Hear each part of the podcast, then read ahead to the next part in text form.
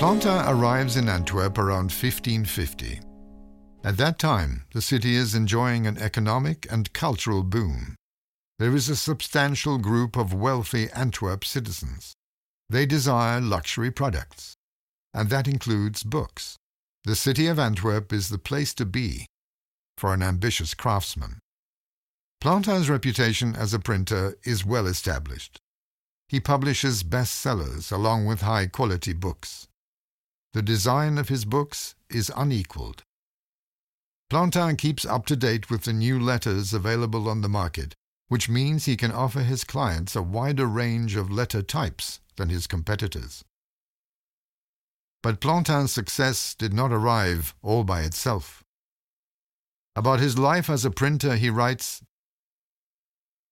The printer's trade is a real abyss, a deep pit. You have no other option than to work very hard and steadfastly. You must constantly throw everything which the abyss demands into the gaping hole, or else it will swallow and destroy its master and all his acquaintances.